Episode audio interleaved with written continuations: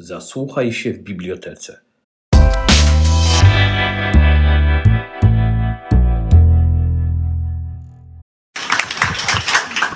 Dzień dobry. Drodzy Państwo, zwykle muszę najpierw powiedzieć oklaski dla naszego gościa, ale tutaj nawet nie zdążyłam. No, możemy jeszcze raz. Oklaski dla naszego gościa.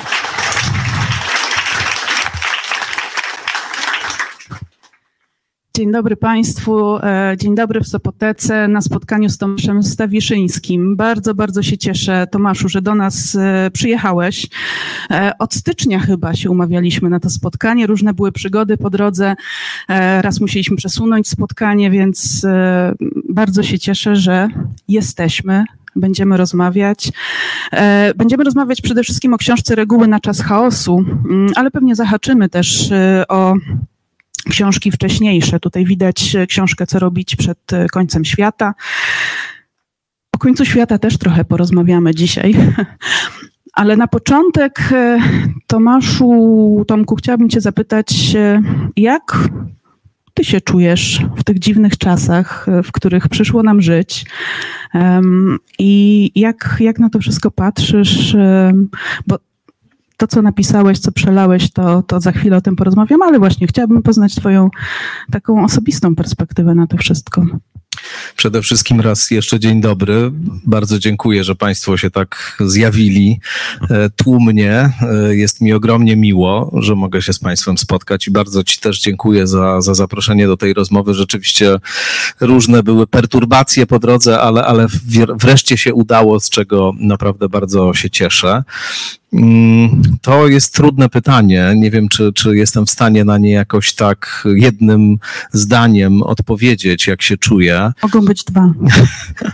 No, na pewno ta książka wzięła się w dużym stopniu z mojego takiego y, poczucia, wrażenia pomieszania i, i właśnie trudności w orientacji w świecie, który stał się e, w ciągu ostatnich lat bardzo nieoczywisty, niestabilny i niejednoznaczny. Nie to, żeby kiedykolwiek był stabilny, jednoznaczny i oczywisty, zawsze cechowały go e, te, te jakości, mm, o których powiedziałem, ale, ale myślę, że Chyba różne języki, które stosowaliśmy z mniejszym lub większym powodzeniem do tego, żeby jakoś sobie tę rzeczywistość jednak opowiadać, siebie w niej, innych, żeby jakoś myśleć o swoim życiu, że, że te języki się jakoś stają coraz bardziej niewydolne i, i wydaje mi się, że, że trzeba szukać nowych języków, ale czasami to poszukiwanie nowych polega na odwoływaniu się do tych dawno już wypracowanych, do tych dawno już istniejących, tylko może zapomnianych, może e, jakoś e, zepchniętych na margines z różnych powodów i mi, mi, mi taka postawa jest rzeczywiście bliska. Ale jak mnie tak pytasz dokładnie o moje samopoczucie w tych czasach, to to ono jest właśnie pełne, pełne niepokoju i nie, nieoczywistości, niejednoznaczności. A ciekawości? Ciekawości też, tak, ciekawości też jak najbardziej. To, to na pewno są czasy, które mm, spełniają te powiedzenie chińskie, choć jego sens jest inny, bo jego sens jest taki, że ciekawe czasy to te właśnie, kiedy nic się nie dzieje i kiedy można spokojnie żyć e, w poczuciu przewidywalności, a te nasze dokładnie odwrotnie, ale, ale myślę, że ciekawość jest na, na pewno czymś, co nam chyba wszystkim tu towarzyszy, bo inaczej też Państwo by tu się nie pojawili, myślę. Tak, ciekawość to jest taka, taka cecha, e, myślę, że w połączeniu z radością, która e, jest niesamowicie motywująca do tego, żeby, żeby poszukiwać, e, żeby też mieć w sobie chyba odwagę, żeby decydować się na rzeczy mniej oczywiste, na poszukiwania, o których ty mówisz i o których dużo piszesz w książce Reguły na czas chaosu, bo chociaż dużo z tych reguł oznacza nie rób albo mm, porzuć jakieś zachowanie, to jednak sens tego, o czym piszesz, y, w dużym stopniu polega na tym, żeby, żeby szukać, żeby nie, nie zatrzymywać się na prostych odpowiedziach, na prostych rozwiązaniach, tylko patrzeć, co dalej. No, rzeczywiście ta książka ma taką formę apofatyczną, y, czyli raczej mówi o tym, czego nie robić, czego, co omijać, w co nie dawać się wciągnąć, czemu nie pozwalać się uwodzić. E, aniżeli e, formę jakichś dyrektywnych wskazań e, o charakterze pozytywnym. Pięć kroków do szczęścia. Na przykład, tak. Choć korzysta oczywiście w przewrotny sposób z pewnej konwencji, takiej, nazwijmy to właśnie poradnikowo popularnej, świadomie tego wyboru takiej, a nie innej konwencji tutaj dokonałem. Możemy też potem o tym jeszcze parę słów powiedzieć powiedzieć, ale, ale faktycznie y, myślę, że y, żyjemy w takim świecie, który nam nieustannie podsuwa różne rzekomo doskonałe rozwiązania, różne proste recepty, różne atrakcyjne mm, takie metody i techniki, które pozwalają szybko zniwelować pewne dyskomforty, których doświadczamy i Mam do tego bardzo nieufny stosunek do tych rozmaitych właśnie tego typu panaceów na niepokój, na lęk, na, na niepewność. Sądzę, że niekiedy więcej kłopotów z nich wynika, aniżeli aniżeli pozytywów. Dlatego właśnie w dużym stopniu ta książka jest zachętą do tego, żeby e, cofnąć się o krok, żeby przybrać pozycję pewnego dystansu, ale nie dystansu, który polega na takim wycofaniu się ze świata, czy odwróceniu się od świata, tylko dystansu, który polega na wprowadzeniu pewnej przestrzeni pomiędzy impulsem, który przychodzi z zewnątrz, jakąś treścią, która przychodzi z zewnątrz, sytuacją, w której się znajduje e, a moją na to reakcją, e, reakcją emocjonalną i, i nie tylko. Myślę, że bardzo nam się skróciła w dzisiejszych czasach droga pomiędzy jednym a drugim, to znaczy ten szlak, bodziec, reakcja jest niezwykle, niezwykle krótkotrwały, przebywa się go bardzo szybko. E, czemu oczywiście służy także architektura rzeczywistości wirtualnej, w której funkcjonujemy, w której spędzamy znaczną część czasu. E, I to jest pod wieloma względami niebezpieczne. E, I ja tutaj rzeczywiście chciałem poszukać takich środków, które pozwalają na to, żeby tę drogę wydłużyć, żeby jednak pozwolić sobie na e, refleksję nad e, własnymi reakcjami, nad sobą, nad e, emocjami, które w nas się pojawiają, niekiedy bardzo intensywnymi bo, bo, bo rzeczywiście mam wrażenie, że niepewność, lęk i różne towarzyszące temu okoliczności sprzyjają aktywowaniu się nieświadomych stron ludzkiej natury i działaniu nieświadomemu sprzyjają właśnie, a w duchu, w duchu y, nie tylko ojców założycieli tradycji psychoanalitycznej, czyli Freuda mm, oraz Junga, tylko w duchu w ogóle różnych e, ludzi, e, którzy E, w tych współczesnych i dawnych czasach jakoś przyglądali się człowiekowi, sądzę, że ta natura ludzka jest jednak e, ambiwalentna, że ma stronę jasną i ciemną i nieświadomość i te działania na nieświadomości właśnie oparte, one więcej mają z tej ciemnej niż z tej jasnej. Dlatego właśnie wydaje mi się, że że warto się jednak temu e, ostrożnie przyglądać. I, I tu ostatnie jeszcze zdanie.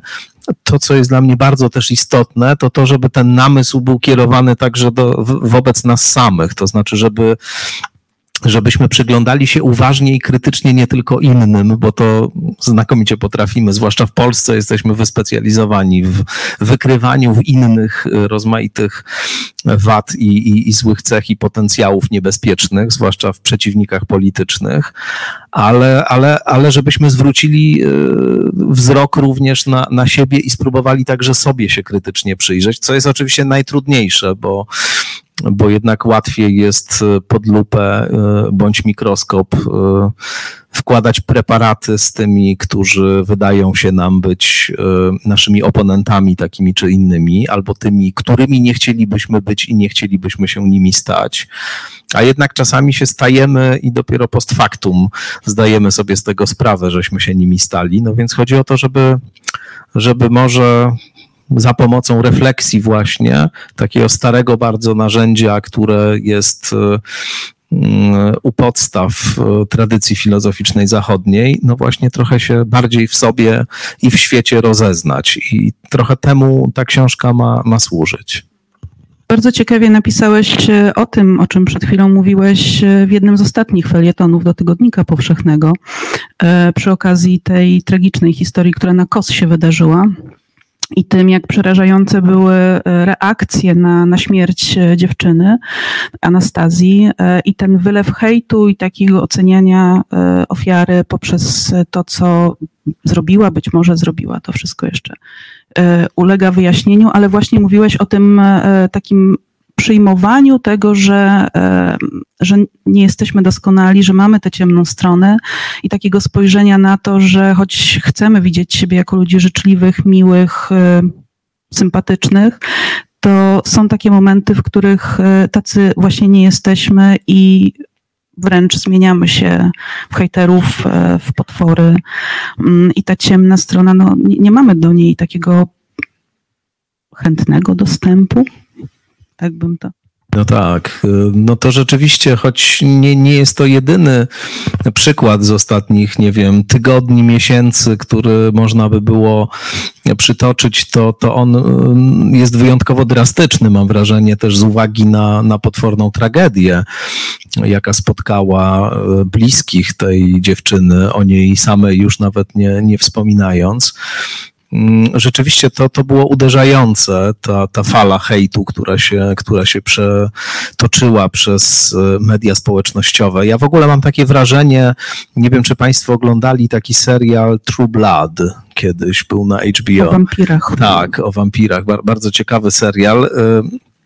Tam główna bohaterka Suki Stackhouse ma taką zdolność do tego, żeby słyszeć cudze myśli.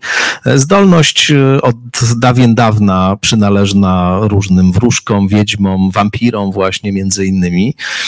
Ale e, ona pracuje w barze, to zaraz w pierwszym sezonie są takie sceny, kiedy ona mimowolnie, nie chcąc wcale, jest narażona na to, żeby słyszeć, co się w głowach wszystkich jej klientów dzieje.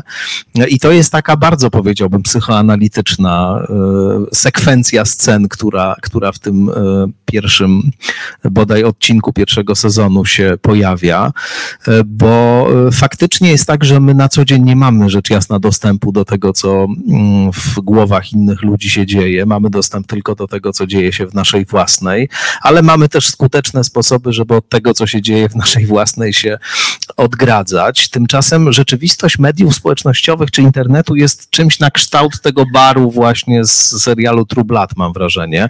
Wszyscy jesteśmy jak suki Stackhouse, trochę wchodząc do sieci, bo nagle słyszymy myśli tych, którzy nas otaczają i się okazuje, że te myśli są zgoła inne niż e, te ciepłe, sympatyczne często wizerunki owych osób, które, które mamy w głowach.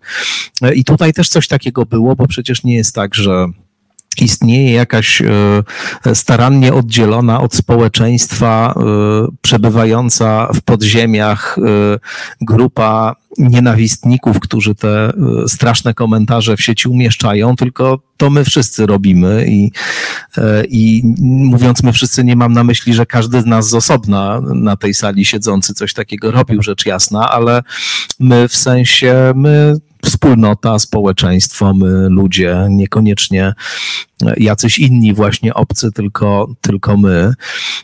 I, I oczywiście można znaleźć wiele takich e, teorii, pomysłów na to, w jaki sposób e, wytłumaczyć to zjawisko. Na przykład choćby e, tak straszne mm, obelgi pod adresem tej nieszczęśliwej, zamordowanej dziewczyny publikowane przez tak zwanych porządnych obywateli, ludzi, którzy normalnie żyją w społeczeństwie, funkcjonują w nim, są porządnymi obywatelami, rodzicami, nie wiem, mężami, żonami i tak dalej. Nie powiedzieliby prawdopodobnie tego Myślę, że nie powiedzieli. na przykład. Myślę, żeby nie powiedzieli tego. I, I oczywiście ja nie chcę tutaj występować z pozycji takiego oburzonego moralisty w żadnym sensie, bo jak powiadam, istnieją sposoby na to, żeby rozumieć e, takie zjawisko i, i nawet właśnie traktować je na przykład jako e, wyraz lęku, jako sposób na to, żeby sobie w jakimś sensie,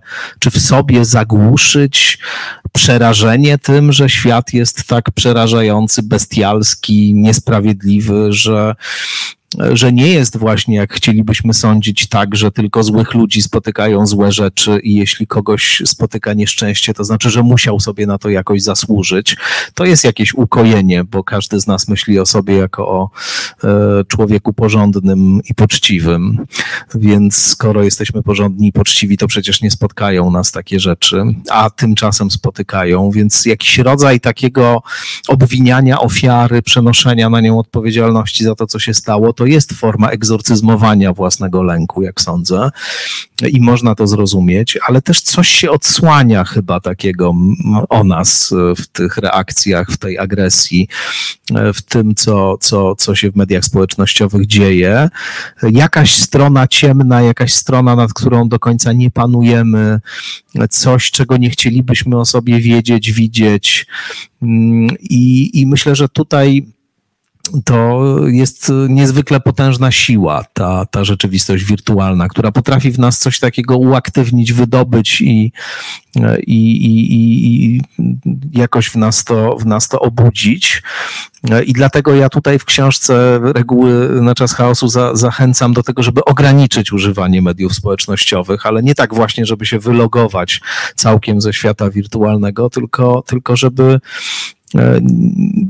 jakoś świadomie oprzeć się pokusie wymierzania sprawiedliwości za pośrednictwem internetu czy mediów społecznościowych, bo rzeczywiście jak się wchodzi do sieci, to można odnieść takie wrażenie, że otaczają nas jednoosobowe trybunały, które wydają nieustannie wyroki. Im bardziej taki wyrok jest radykalny, tym większy aplauz wśród innych trybunałów, które się ochoczo e, do tego wyroku przy, przyłączają i nawet architektura tej rzeczywistości nas zachęca do tego, żebyśmy waloryzowali wszystko.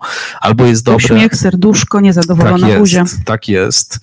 E, I, I te kolejne informacje, kolejne treści przepływają przed naszymi oczami, tylko się proszą o to, żeby je opatrzeć znakiem plus, minus, plus, minus.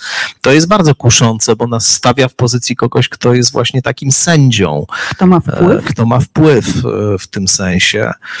E, ale zarazem no, nie widzimy często w tych emocjach, które nam towarzyszą wtedy, dalekosiężnych konsekwencji na przykład tego typu działań, tego typu zachowań. Tracimy, myślę, z oczu tą prostą prawdę, że gdzieś tam po drugiej stronie jest jakiś żywy człowiek.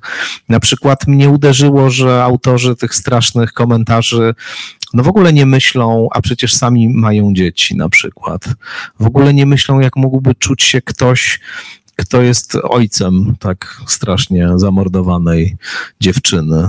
Jak, mu, jak ma się czuć ojciec kogo, te, tej dziewczyny, kiedy czyta coś takiego, albo, albo jej matka na przykład. Niezależnie od tego, co by się, nie wiem, o niej myślało. Yy, zostawiając to w ogóle na boku, to, to jakiś rodzaj takiej elementarnej empatii, czy, czy właściwie wyobraźni, myślę, podstawowej. E, dlaczego się nie włącza w takim przypadku? Co się dzieje, że, że, że to się nie włącza? No myślę, że, że nie włącza się, bo coś innego się wyłączyło e, wcześniej. Coś innego zostało jakoś stłumione, zdezaktywowane. Mm, I, i sądzę, że każdy z nas jest w potencjalnie w niebezpieczeństwie, że mu się coś takiego zdezaktywuje tam, bo jest to środowisko sprzyjające takim dezaktywacjom. Więc dlatego myślę, że warto korzystać z tych narzędzi do tych celów, które są naprawdę warte tego, konstruktywne i, i przynoszą dobro, natomiast no, raczej nie i raczej ostrożnie poczynałbym sobie z tymi, które mogą prowadzić właśnie do, do takich drastycznych, drastycznych skutków.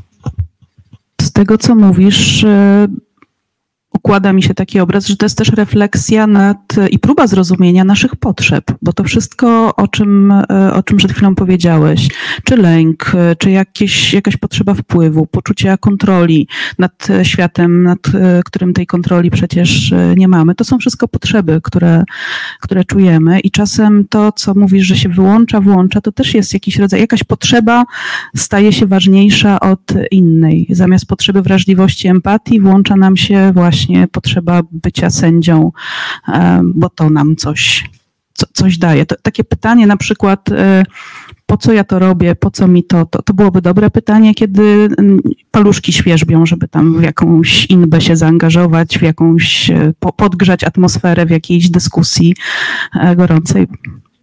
Tak, na pewno y, to, to jest dobre pytanie, ale, ale ja mam w ogóle takie poczucie głębokiej pokory wobec nieświadomości y, i raczej takie przekonanie, że jej się do końca okiełznać, zrozumieć, rozświetlić i y, racjonalnie pojąć nie da i że oczywiście jakiś rodzaj wglądu w siebie, takiej pracy wewnętrznej polegającej na badaniu swoich intencji, na zastanawianiu się, co za, stoi za pewnym impulsem, to jest ważne. E, ale też sądzę, że w dzisiejszych warunkach e, i takiej rzeczywistości, która nas otacza, i właśnie tej rzeczywistości wirtualnej, która jest e, programowana bardzo świadomie też po to, żeby wzbudzać w nas określone reakcje, żeby wywoływać w nas określone emocje i temperatury emocjonalne, żeby też kotwiczyć naszą uwagę jak najdłużej, no bo to jest przecież kapitał, który jest monetyzowany w sferze wirtualnej, że, że to wszystko jednak y, no, jest taką sferą rzeczywistości bardzo potężną i, i też y, budowaną y, przez specjalistów. I nie sądzę, żeby ktokolwiek z nas był tak y, głęboko y, świadomy i tak odporny, że nie dałby się w pewnym momencie temu jakoś y, zhakować, powiem w nowoczesnej polszczyźnie. Więc wydaje mi się, że pewna postawa powściągliwości, tak w stylu, w stylu nieco zapomnianym, bym powiedział, w języku już nie modnym i niecodziennym raczej, że pewna postawa właśnie powściągliwości jest, jest wskazana, takiego samoograniczenia tutaj. E, powiedzenia sobie nie tego po prostu nie robię. Tego nie robię. Dlaczego? Dlatego, że jak każdy mam nieświadomość i nie wiem, gdzie mnie to zaprowadzi. A cechą tego właśnie, że prowadzić mnie będzie nieświadomość, będzie to, że nawet nie będę sobie zdawał z tego sprawy, no bo na tym to polega. Ja cytuję tutaj jedno z moich ulubionych zdań e, autorstwa Karla Gustawa Junga, które w ogóle pierwotnie też miało być mottem do tej książki, ale w końcu jednak wybrałem Christophera Lasza. E, ale, ale to zdanie brzmi: nieświadomość jest naprawdę nieświadoma. Brzmi jak pleonazm jakiś, e, albo, albo e, tylko efektowny bołmot, a to jest rzeczywiście myśl niezwykle głęboka, która mówi, że na tym polega natura tego czegoś, co każdy z nas ma, czy też przez co każdy z nas jest posiadany, co ma każdego z nas, raczej może tak należałoby powiedzieć, że my poznajemy działanie tej nieświadomości post factum dopiero. Właśnie jesteśmy wobec niej jak Sherlock Holmes wobec y, profesora Moriarty, to znaczy y, nieustannie ścigamy y, kogoś, kto wyprzedza nas zawsze o parę kroków. Ostatecznie rzecz jasna następuje konfrontacja między Moriartym a Sherlockiem Holmesem, jak Państwo wiedzą, więc to nie jest może do, do, do końca dobra metafora, ale jest to w każdym razie postawa jak detektyw wobec tego, kogo tropi, e, o kim nie wie do końca, kim jest, e, ale wie, że doszło do e, zbrodni, ale czasami nawet nie wiadomo jeszcze do końca jakiej. Na razie coś się nie zgadza, jest teren zdarzenia, są jakieś elementy, które nie pasują i trzeba dojść e, po starannie rozumując, co właściwie tam się gdzieś z tyłu wydarzyło i to zawsze jest rekonstrukcja, więc taki mamy stosunek i taką relację do własnej nieświadomości. Nigdy jej nie mam, nigdy jej nie dotykam, nigdy nie mogę się chwycić na tym, że to właśnie coś takiego się wydarza we mnie, bo, bo zawsze, kiedy się orientuję, to już jest trochę za późno. Więc dlatego wydaje mi się, że ta postawa powściągliwości, właśnie specyficznie w odniesieniu do tej przestrzeni, w której dzisiaj naprawdę jest potężnie dużo przemocy, która jest jedną z takich naprawdę najbardziej przemocowych sfer naszego życia, że, że powściągliwość wobec tych specyficznie aktywności, które tę przemoc mogą e, generować, no, no jest, jest rozsądnym wyborem. Pamiętam, w zeszłym roku przeczytałam Twoją książkę, e, zobaczyłam ten rozdział, a byłam osobą, która zaczyna dzień od Face'a, potem Instagram, potem coś tam na TikToku zobaczymy w wieczór podobnie i sobie myślę, matko, ogranicz media społecznościowe, nie no, jak to zrobić? Ale e, ta postawa powściągliwości, o której powiedziałeś, postanowiłam wypróbować i e, zobaczyłam wtedy, jak bardzo ta architektura opiera się na emocjach, które tak naprawdę powodują to, że potrzebujemy tego natychmiastowego spełnienia tej emocji, bo e, zrobiłam jedną prostą rzecz. Przestałam angażować się w dyskusje, e, które były właśnie takie bardzo e, gorące i pomyślałam sobie, że w sumie moje zdanie tak naprawdę to obchodzi najbardziej mniej, żeby pokazać innym, jakie ono jest strasznie mądre, a cała reszta tak naprawdę może żyć bez tego, co ja tam napiszę i przestałam to robić. I nagle się okazało, że jak już nie muszę tego robić, to ja w ogóle nie mam potrzeby, żeby wchodzić na Face'a. E, i w inne media społecznościowe. I to było dla mnie największe odkrycie. I do dzisiaj tak mam. Ja tam trochę jeszcze jestem, ale przestało, okazało się, że ja ja już nie mam po co tam wejść. To jest jakiś taki paradoks e, i, i właśnie te, te emocje, o których mówisz, że takie wzięcie oddechu i, i pomyślenie sobie, dobra, zrób coś mądrego zamiast tego jest, e, tak, to, to działa. Rozumiem, ja, ja też przestałem uczestniczyć w dyskusjach e, już jakiś czas temu. E, używam e, mediów społecznościowych, głównie Facebooka, trochę Instagrama. Na Twitterze mam konto, ale nic tam w ogóle nie, nie publikuję. Twitter wydaje mi się już w ogóle jakimś ostatnim kręgiem piekielnym, jeśli chodzi o poziom agresji, wściekłości i takiego, takiego zacietrzewienia właśnie, to, to Twitter y, faktycznie jest y, bezkonkurencyjny. Pewnie też dlatego, że tam jest ta ograniczona liczba znaków i tak zwiększono limit, ale ta, ta krótka formuła y, powoduje, że do frustracji wywołanej w ogóle nie wiem, przedmiotem sporu, tym, że nie ma się przed sobą człowieka, tylko awatara, dochodzi jeszcze frustracja związana z tym, że trzeba bardzo krótko wyrazić swoje myśli i, i to jakoś też e, wzmaga, jak sądzę, ogólną frenetyczność tego twitterowego doświadczenia, ale też, e, też rzeczywiście przestałem e, w tych dyskusjach, nigdy jakoś specjalnie nie byłem zapalonym dyskutantem facebookowym, przyznam szczerze, ale zdarzało mi się też brać udział w takich dyskusjach o coś bardzo, z bardzo dużym zaangażowaniem się tam spierać i, i bronić różnych spraw, które wydają mi się istotne. Czasem oczywiście coś jeszcze od czasu do czasu mi się takiego zdarza, ale to bardzo rzadko, kiedy już ewidentnie wydaje mi się, że naprawdę warto przynajmniej coś zostawić dla osób, które mogą się zetknąć z jakimś innym trochę punktem widzenia ale generalnie po pierwsze miałem wrażenie, że i tak te dyskusje są skazane na niepowodzenie, ponieważ fenomenem innego rodzaju, ale przypuszczam, że też znanym Państwu na różne sposoby jest to, że, że rzeczywiście jakby tego typu dyskusje, e, one choć mają niby charakter dialogu e, albo takiej polifonicznej rozmowy wielu osób, to w gruncie rzeczy są e, osobnymi monologami. To znaczy każdy monologuje i pomimo tego, że pojawiają się różne kontrargumenty, jakieś, jakieś formy polemiczne, do których można było się, od, by było się odnieść, to, to jakby cała energia zazwyczaj jest inwestowana w obronę tego, co się już raz powiedziało i, i kultywowania swojej pozycji zamiast e, otwartości na jej zmianę. Więc to z grubsza po prostu nie ma sensu za bardzo te dyskusje, bo i tak nikt e, nie czyta tego, co inni piszą, tylko reaguje na to, że piszą inaczej niż on. E, I, I, to oczywiście jest, jest pewne wyolbrzymienie, bo nie, nie, nie mówię, że jest tak w każdym przypadku, ale to jest rzeczywiście częste, jak sądzę, doświadczenie.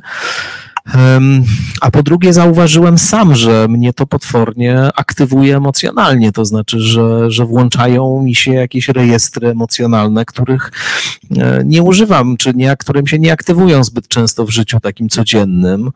E, I, i że nagle właśnie reaguję jakąś straszną złością na jakieś komentarze, albo mam ochotę coś odpisać w stylu cokolwiek impetycznym, e, aż nadto. Pójdzie w piętę. Aż nadto impetycznym jak na skalę e, problemu, czy, czy mm, etap, etap rozmowy.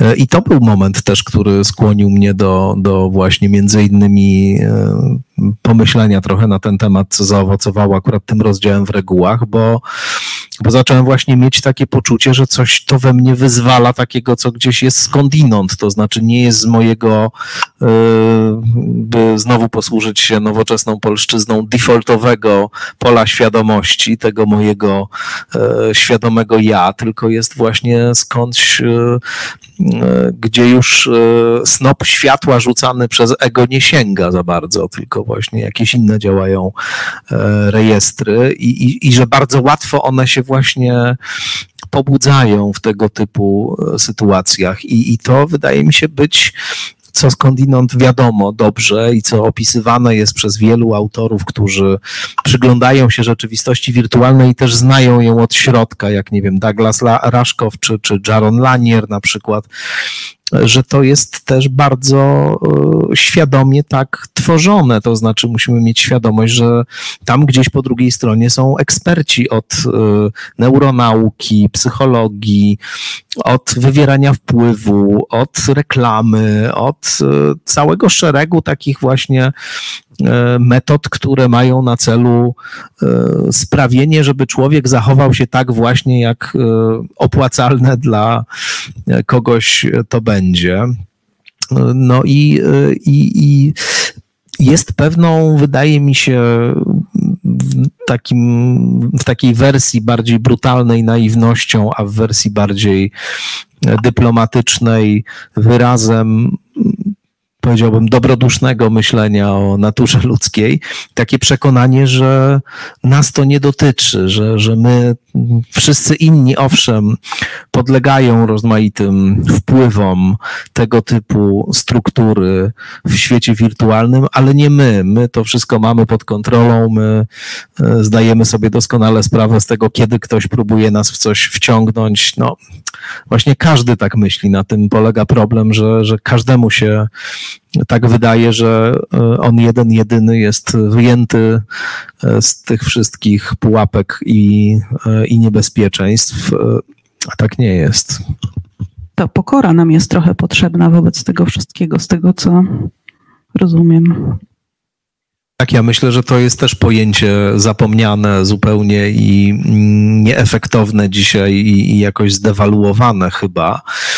E, bo, bo raczej żyjemy w kulturze, która zachęca nas właśnie do e, ekspansji, do e, przekraczania wszelkich ograniczeń, do realizowania najbardziej śmiałych wizji, do nieoglądania się na jakieś uprzedzenia i smuty i lęki.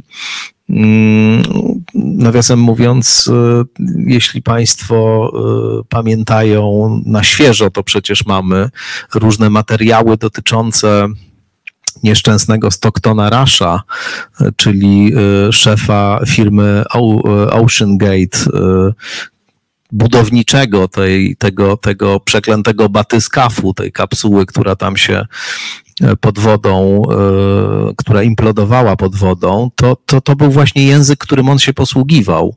E, ja mam wrażenie, o tym zresztą napisałem dzisiaj skądinąd, felieton do Tygodnika Powszechnego będzie za tydzień, że on był takim człowiekiem wcielającym te narracje właśnie, że... Możesz więcej niż myślisz, że możesz. Tak, żeby, żeby być kimś, kto zawsze jest 10 kroków do przodu za innymi, kto przed innymi, kto nie ogląda się na ograniczenia, kto gotów jest opuszczać swoją sferę komfortu, e, kto w imię innowacji podejmuje ryzyko.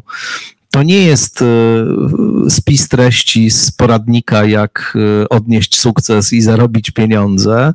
Nie jest to zestaw celów przygotowany dla klienta przez któregoś z coachów kariery, tak zwanych, choć to mogłoby być to wszystko i to poniekąd jest to wszystko, tylko to jest właśnie ekstrakt z jego wypowiedzi. W tym sensie on był człowiekiem bardzo nowoczesnym i takim e, stanowiącym w jakimś sensie czy będącym takim nieodrodnym dzieckiem tej kultury sukcesu, sprawności, efektywności, optymizmu, pozytywnego myślenia i tak dalej. E, on jeszcze powiadał, że nie będzie w swojej firmie zatrudniał, świadomie to robił, e, białych 50-letnich mężczyzn, bo stawia na tak taki zespół młody i różnorodny, który zapewni mu odpowiednią dawkę innowacyjności, a ci biali 50-letni e, mężczyźni e, stanowią tamę dla e, przepływu kreatywnej energii.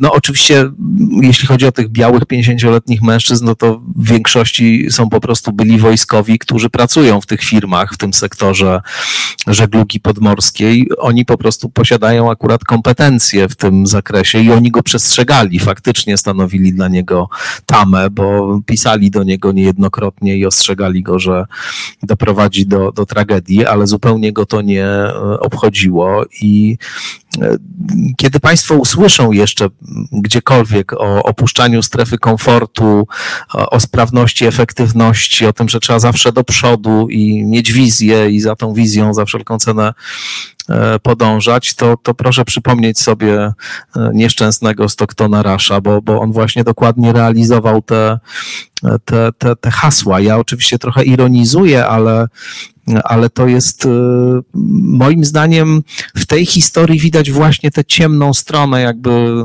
całej tej narracji, która to ciemna strona nam często umyka i, i której nie widzimy bo nas uwodzi ta e, wspaniała opowieść e, tego, e, tego takiego trochę Ikara Arebur, bo to jest taki Ikar Arebur właśnie, ktoś, kto kto e, nie e, uwiedziony został blaskiem słońca i nie wzlatywał gdzieś tam ku, ku gorącu i, i słońcu właśnie w przestrzenie, w górę, tylko jego uwodziły te i wzywały te głębie mm, nieprzejrzyste, dziwne, jakieś mroczne i zimne, ale zarazem w sumie też wzlatywał w tych marzeniach właśnie o tym, jak to zrewolucjonizuje branżę i jak to żadne ograniczenia go nie dotyczą.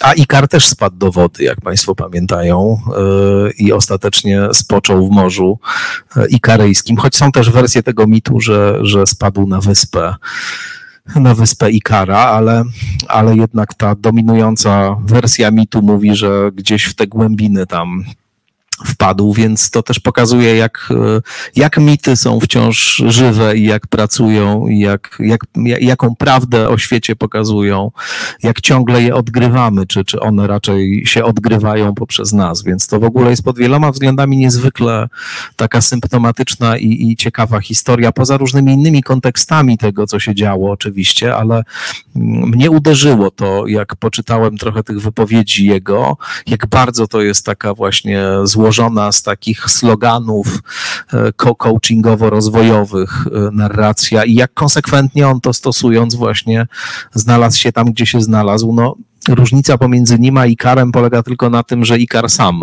spadł, no a on niestety innych za sobą pociągnął też. Mówisz, e, żeby uważać na to sformułowanie, wychodzić ze strefy komfortu.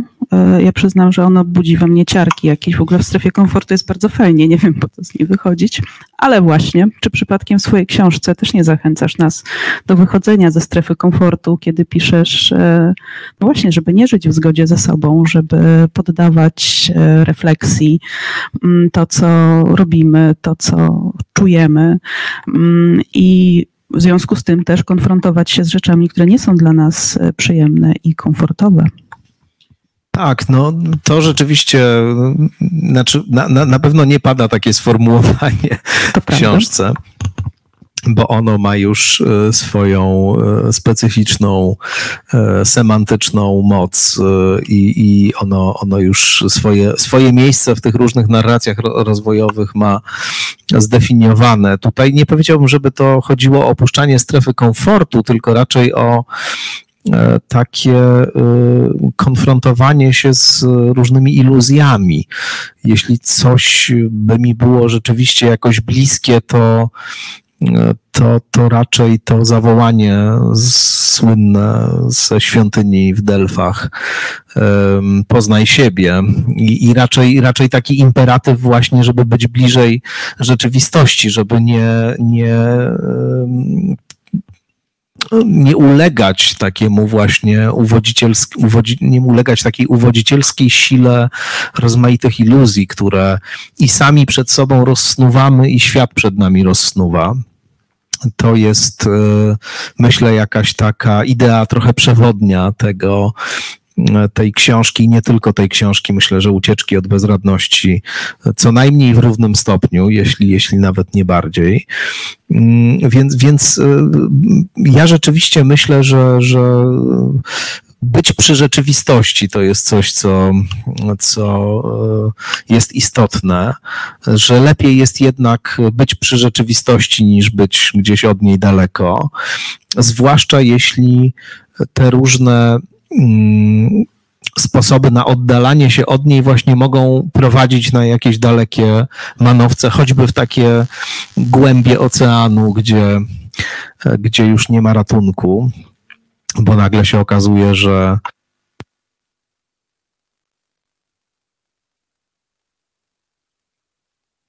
nie wiem, czy to przypadek, że akurat w tym momencie, czy o teoriach spiskowych jeszcze nic nie było, ale. Teraz będzie. Do, dobry wstęp. No właśnie, nie wiadomo, co to, co to było. W każdym razie, w każdym, jakaś nieświadomość, bo chyba sam nacisnąłem po prostu, więc może, może coś we mnie tutaj tak zadziałało. W każdym razie y, rzeczy, rzeczywiście y, mm,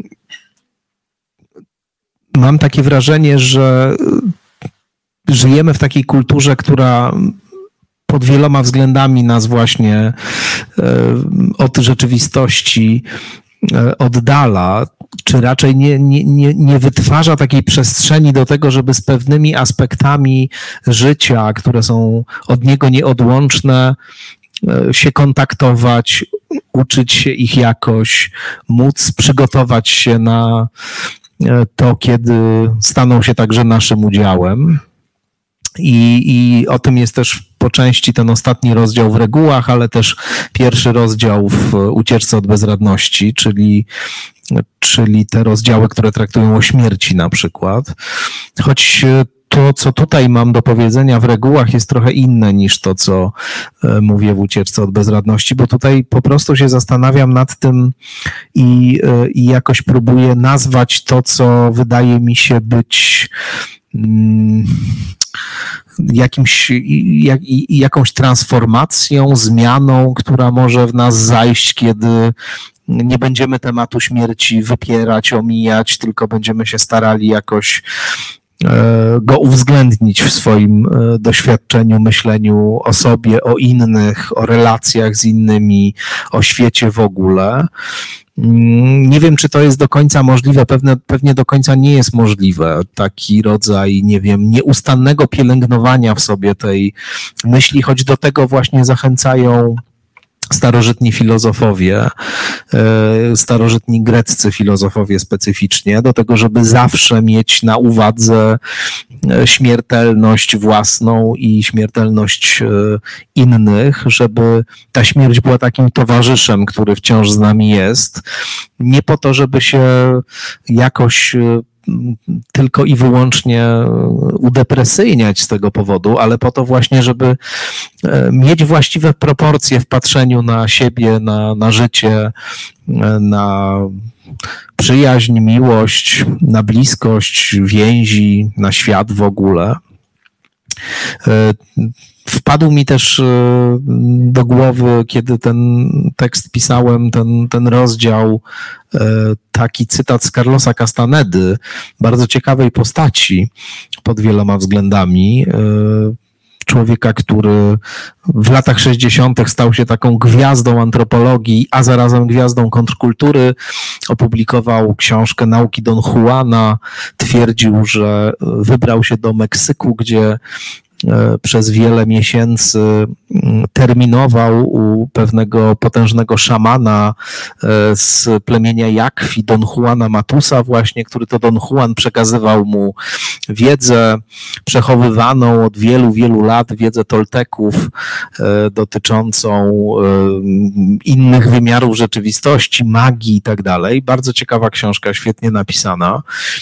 E, problem polega na tym, że prawdopodobnie wymyślił tego Don Juana e, Castaneda, bo mm, po opublikowaniu jeszcze dwóch książek, Podróż do Ixtlan, e, druga i Dar Orła, trzecia, gdzie pojawia się także Don Genaro, nie tylko Don Juan, ale i Don Genaro. Don Juan początkowo częstuje Carlosa Castanedę różnymi ziołami, które ten pali i wtedy nabywa specjalnych mocy, a Don Genaro potrafi te moce wyzwalać nawet bez dymka.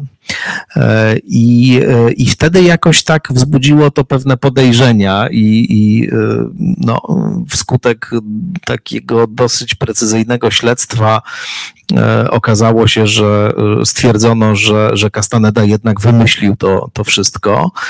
E, choć miał niebywały talent literacki niewątpliwie. Odebrano mu doktorat, on tam chyba na Princeton ten doktorat zrobił, czy na Berkeley, już, już nie pamiętam, na którymś z tych uniwersytetów. Odebrano mu ten doktorat, w infamii go z Akademii usunięto, ale on już wtedy sprzedawał tyle książek i był taką gwiazdą, że mógł sobie spokojnie na to, na to pozwolić i wydawał kolejne książki. E, w sumie kilkanaście ich powstało. Tam jeszcze pojawiły się takie trzy czarownice wokół niego, choć była to postać w ogóle niezwykle tajemnicza, nikt go nigdy prawie nie widział. Jest chyba jedno czy dwa zdjęcia tylko E, które, które go przedstawiają, choć tak na dobrą sprawę to nie wiadomo, czy to na pewno on zmarł w 97 roku, ale też tak na 100% to nikt tego nie jest w stanie powiedzieć, a dwie czarownice z trzech w ogóle zniknęły, nie wiadomo co się z nimi stało. E, zwolennicy Castanedy twierdzili, że przenieśli się do Naguala po prostu wszyscy we trójkę, czyli do tej takiej dziwnej rzeczywistości, która jest tym drugim, e, właściwie prawdziwszym od, od Tonala, czyli tej rzeczywistości, w której my tu wszyscy siedzimy i Tam, gdzie Elvis rozmawiamy. mieszka też. Tam, gdzie mieszka Elvis na pewno też. E, I w każdym razie ta charakterystyka przydługa służy temu, żeby powiedzieć, że Przywołuję tu Castanedę nie dlatego, że go uważam za, za eksperta w dziedzinie magii, Tonala Naguala i tak dalej, tylko że analiza tych książek, które naprawdę są świetnie napisane i czyta to się z ogromną przyjemnością.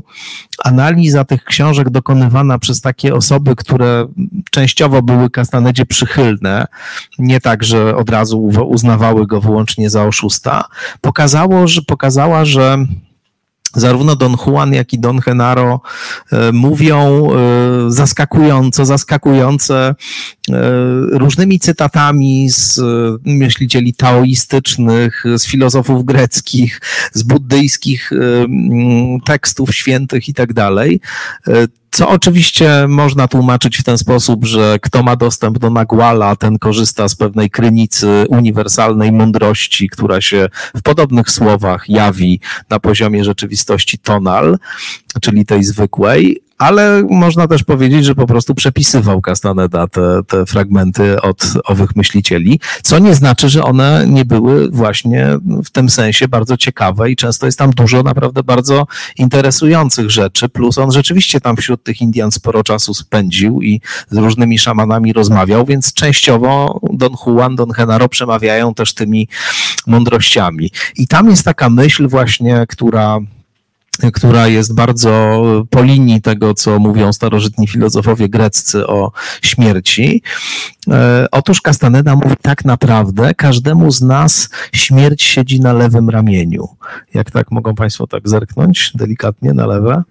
Podobno jak się tak właśnie bardzo szybko zerknie, to można ją zobaczyć.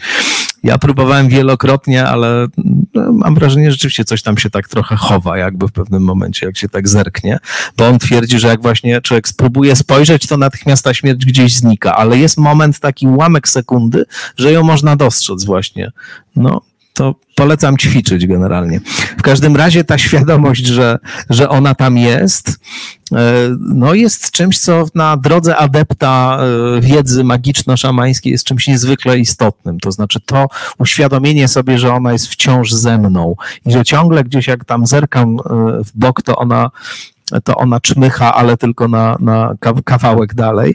To jest coś takiego, co jest w ogóle pierwszym podstawowym krokiem do tego, żeby zmienić swój sposób funkcjonowania w świecie. Jak zmienić? No właśnie na taki, który odsłania jakąś taką niezwykłość i niesamowitość świata, co nie znaczy, że ten świat się staje taki super wspaniały, ekscytujący. Nie, on może być też niepokojący, przerażający, trudny, będący źródłem, nie wiem, lęku, niepokoju, ale w każdym razie, że to, co tutaj się rozgrywa według w tych wszystkich dekoracjach i według tych wszystkich konwencji, to w każdym razie nie jest wszystko, jest jeszcze coś jeszcze dziwnego, niesamowitego w tym samym fakcie istnienia. E, I, e, i myślę, że jakiś rodzaj takiej, jak to się mówiło, meditacji mortis właśnie, czyli, czyli medytacji, medytowania nad śmiercią, E, uświadamiania sobie tego, że my tu wszyscy umrzemy po prostu, jak, jak, jak jeden mąż, że tak niegenderowo się I żona. wyrażę, i żona. O, dziękuję, to uzupełniłaś. E, to, to e, i że tu przed nami po tych ulicach zupełnie inni ludzie chodzili i, i, i tak się pojawiali, znikali, pojawiali, znikali. No i my dzisiaj o nich czytamy i nam się wydaje, że, że to, to my tu jesteśmy w jakiejś specjalnej pozycji, a oni no, po prostu należą do przeszłości. No ale my tak samo tą przeszłością się staniemy dla kolejnych i kolejnych i kolejnych i kolejnych pokoleń. I to jest coś rzeczywiście coś bardzo, bardzo dziwnego poza wszystkim, nie, niespotykanego i, i nadającego temu doświadczeniu bycia, życia, no jakiegoś smaku specyficznego, niekoniecznie właśnie przyjemnego, może, może, może nie, ale, ale to mi się wydaje coś takiego, co może odsłonić też inne wymiary w życiu, też myślę, że w relacjach, w przyjaźni, w miłości, nadać temu jakiś inny wymiar, in, in, inny sposób doświadczenia tego wprowadzić, więc stąd, stąd e, taki nacisk na to. Czy myślisz, że to takie odsuwanie myśli o, o śmierci swojej, swoich bliskich, które budzi w nas lęk, i jest to lęk naturalny absolutnie. Mm, czy jest takie przeniesienie tego lęku właśnie w to myślenie apokaliptyczne, o którym dużo piszesz i w tej książce, i, i w poprzedniej, co robić przed końcem świata, że, że to takie skupienie na tych wielkich apokalipsach, e, na które nie mamy żadnego wpływu, w związku z tym się wycofujemy, bo cóż możemy zrobić, skoro świat zmierza ku zagładzie, że to jest jakiś rodzaj taki właśnie przeniesienia tego, tej niechęci do myślenia o, o tej śmierci, która jest blisko nas. Częściowo na pewno tak jest. Częściowo tak jest, że to jest, że to jest rodzaj takiego właśnie przemieszczenia, jak to się po psychoanalitycznie mówi. I, i, i takiego, takiej, takiej substytucji właśnie, że gdzieś te emocje, które są, a których się E, nie wyraża, czy, czy których się nie identyfikuje, muszą, e, gdzieś one muszą znaleźć ujście i znajdują wtedy w takiej wizji wszechobejmującej, ale też sądzę, że jest coś innego jeszcze w tym e, niezwykle intensywnym mm, nacisku na apokaliptyzm we współczesnych czasach. Mm, zwróciłbym najpierw uwagę na to, od kiedy właściwie te narracje apokaliptyczne są tak bardzo intensywnie obecne w świecie, w mediach, też w naszych e, głowach, w naszych wyobraźniach, duszach i tak. No bo y, tak na dobrą sprawę to, y, to, co my wiemy o ocieplaniu się klimatu, to wiemy tak mniej więcej od połowy lat 70. I to jest y, wiedza już wówczas dobrze ugruntowana, te podstawowe pojęcia są wprowadzone, opisane, klimatologia już wie, co dzieje się z klimatem wtedy. Zarazem y, i oczywiście są takie postacie, które też y, i na poziomie takim y, politycznym, i na poziomie, nie wiem, popkulturowym zwracają na to uwagę, mówią o tym, W Stanach Zjednoczonych jest Al Gore na przykład, który przecież od wielu, wielu lat na ten temat się wypowiada i ta świadomość tego, co się dzieje, jest, jest znana od, znaczy mamy świadomość tego, co się dzieje już właśnie od bardzo dawna.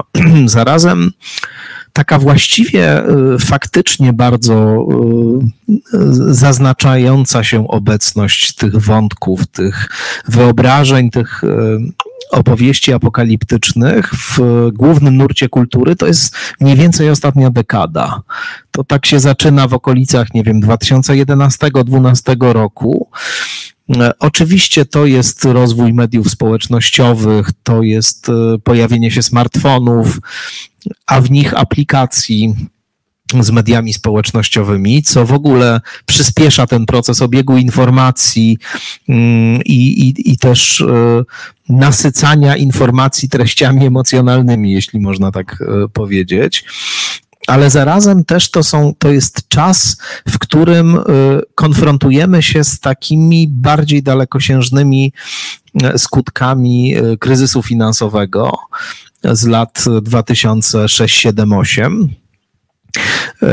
To jest taki moment e, niezwykle ciekawy, wydaje mi się, na który, o którym już trochę zapomnieliśmy, a on jednak stanowił pewien punkt zwrotny. Ja bym wiązał w dużym stopniu ten apokaliptyzm właśnie z tamtym momentem.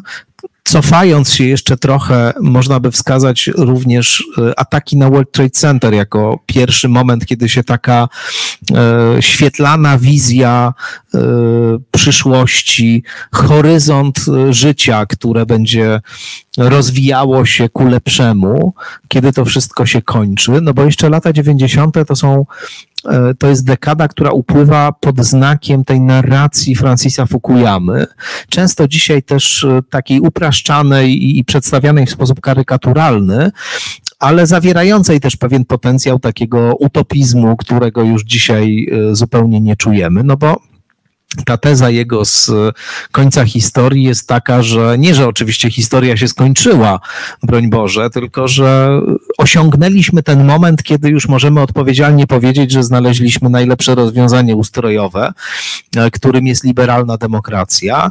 I ja bym się tutaj nawet zgodził, że nic lepszego generalnie od tego, od tego nie ma, bo, bo chyba nie ma. Ale tam było jeszcze tak, takie założenie w tej książce, że że skoro to już znaleźliśmy, to teraz, e, no właśnie na zasadzie pewnej konieczności, dlatego że ludzie chcą żyć w takich ustrojach, w których jest im najlepiej i w których mogą e, spokojnie rozwijać różne swoje talenty, potrzeby i się bogacić. E, skoro tego właśnie chcą, no to ta liberalna demokracja będzie jednak stopniowo się poszerzać i w miarę jej poszerzania się nie będzie, będą wygasały konflikty i, i wojny ponieważ w takim świecie ludziom po prostu nie opłaca się prowadzić ze sobą wojen e, i, i nie opłaca się mieć konfliktów. No, okazało się zupełnie inaczej, jak wiemy, a właśnie pierwszym akordem tego były ataki na, na wieżę w Nowym Jorku. I to był taki też moment, kiedy trochę się zawaliła ta wizja, to znaczy takie przekonanie, że oto przed nami teraz przyszłość, która będzie lepsza od przeszłości. Oto zmierzamy ku lepszemu światu, jesteśmy na drodze do e, rozszerzania się projektu liberalnej demokracji, do tego, że będzie coraz lepiej na świecie. W kolejnych krajach będzie tylko, e, tylko e, coraz lepiej właśnie. I, i wkrótce cała kula ziemska stanie się taką jedną wielką liberalną demokracją, rodziną różnorodną, ale kochającą się, w której będziemy mogli wszyscy współistnieć, e, jednocześnie się szanując i, i jakoś e, nie rezygnując e, ze swoich specyficzności. To niestety wtedy runęło i ja też bardzo dobrze pamiętam ten, ten moment, kiedy, kiedy to runęło. Miałem lat 21 wtedy i, e, I to był taki czas, no, w którym także i Polska była w specyficznym e, momencie takiego właśnie przekonania o tym, że dobijamy do Zachodu, dołączamy do Zachodu i, e, i tam już tylko dobrobyt i, i szczęście nas czeka. I później rzeczywiście wojna w Iraku ciągnąca się, która, która pokazała, że, że no dalece nie, nie tak to wszystko będzie wyglądało, a potem jeszcze ten kryzys finansowy, który w ogóle sprawił, że załamało się takie po pierwsze poczucie, że istnieje przyszłość, mm, że nasze życie będzie lepsze, czy życie naszych dzieci będzie lepsze niż nasze. No i że w ogóle jest po co i jak funkcjonować. To znaczy, istnieje pewien, pewna struktura losu człowieka, który przychodzi na świat w E, kulturze, kulturze zachodniej czy w krajach zachodnich. E, I ta struktura losu mniej więcej tak wygląda, że jak się człowiek rodzi, to idzie do szkoły, e, później najpierw idzie do przedszkola, później idzie do szkoły, później się dalej kształci, wybiera sobie taki zawód, jaki chce uprawiać, kształci się w tym kierunku, następnie wchodzi w jakiś związek, znajduje osobę, z którą chce spędzić życie, albo ma z nią dzieci, albo jak nie chce, albo nie może, albo to to ich nie ma, ale żyje sobie tak jak chce, zarabia pieniądze w pracy, żeby móc e, dobrze żyć i mieć mm, swoje, e, swoją przestrzeń do życia, to bierze kredyt w jednej z wielu instytucji, które takie kredyty oferują. E, kredyt otrzymuje i dalej pracuje, spłaca sobie ten kredyt, następnie swoim dzieciom na przykład przepisuje to, co wytworzył stworzył i zarobił, one to pomnażają, też biorą sobie kredyty, żyją i tak dalej. Słowem, człowiek rodzi się, żyje, pracuje, kocha. To definicja freudowska zdrowia psychicznego zresztą, zdrowie i mi, znaczy miłość i miłość i praca to jest to są dwa filary zdrowia psychicznego według Freuda. E, kto jest zdrowy psychicznie, ten zdolny jest do kochania i do pracowania. To taki jest e, tak, taka bazowa definicja, ciekawa zresztą bardzo. W każdym razie, w każdym razie tak żyje, pracuje, kocha, e, gromadzi, zarabia, spłaca kredyt, spłaca kredyt i, i potem no, potem gdzieś tam sobie już w jakimś przybytku dla, dla emerytów spędza e, starość, jedząc cukierki Werther's Original, będąc oczywiście w świetnej formie i, i, e, i tak dalej.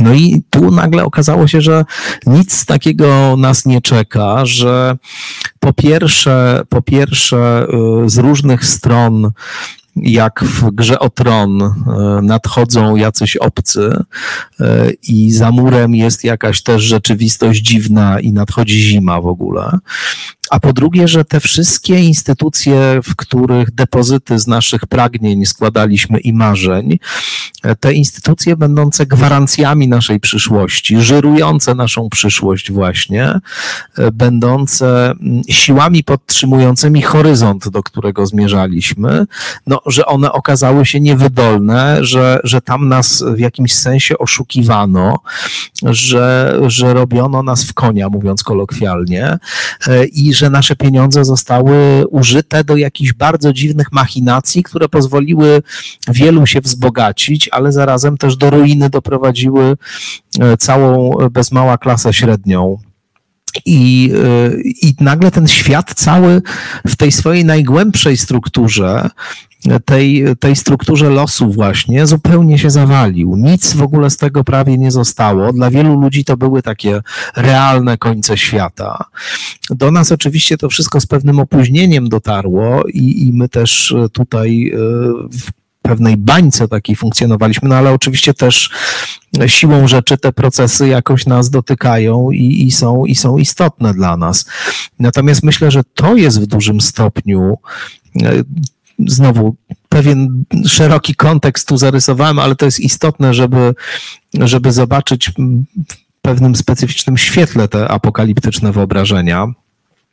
No, w, tym, w tym właśnie momencie, kiedy, kiedy, kiedy te konsekwencje i ta żałoba po tym dawnym świecie i to doświadczenie braku przyszłości, zwłaszcza w młodym pokoleniu bardzo silnie obecne, ludzi dzisiaj, nie wiem, kilkunastoletnich czy, czy dwudziestoparoletnich, kiedy to doświadczenie jest tak dojmujące, to nagle te fantazje apokaliptyczne stają się pierwszoplanowe. Nagle wszędzie dookoła mowa o, o apokalipsie. No myślę, że, że dla wielu ludzi przede wszystkim rzeczywiście życie w tym świecie już jest nie do zniesienia e, i, e, i nie ma, jest niewyobrażalne, co będzie dalej. No więc jakby wtedy wizja apokalipsy, takiego ekstatycznego końca, który zniesie te, te wszystkie parametry świata, w którym nie da się już żyć e, i sam ten świat usunie z pola, że ona niesie w sobie pewne ukojenie po prostu, że ona ma jakiś rodzaj takiego potencjału e, satysfakcjonującego głęboko. Też w zachodniej wyobraźni e, pamiętajmy zbiorowej, wizja apokalipsy bardzo istotna zresztą, będąca gdzieś, czy leżąca gdzieś u podstaw tej, tej kultury, wyobraźni zbiorowej w tej kulturze, ta wizja zakłada, y, ona po pierwsze jest stopniowa, to znaczy tam apokalipsa w apokalipsie świętego Jana nie przebiega tylko punktowo, tylko ona ma swoje etapy. Y, jest też y, okres rządów sprawiedliwych, powstających z martwych po, po, mm, po pierwszym powrocie, powrocie Chrystusa. I to jest też taki moment, czy taki czas, w którym nie dość, że kończy się wszystko, co znamy, nie dość, że w ogóle cała ta e, rzeczywistość, w której funkcjonujemy, ulega dekompozycji, to zarazem następuje specyficzne wyrównanie rachunków. To znaczy, źli zostają ukarani, a ci e, dobrzy zostają nagrodzeni. Jest jakiś rodzaj przywrócenia takiego bazowego, e, metafizycznego porządku moralnego, e, który jest zachwiany tutaj. Myślę, że my dzisiaj bardzo silnie przeżywamy taki, taki rodzaj zachwiania i bardzo wielu ludzi E, czuje, że świat jest bardzo niesprawiedliwie urządzony. Jak się na kolejne raporty Oxfamu zresztą patrzy, to, to trudno w ten sposób nie myśleć.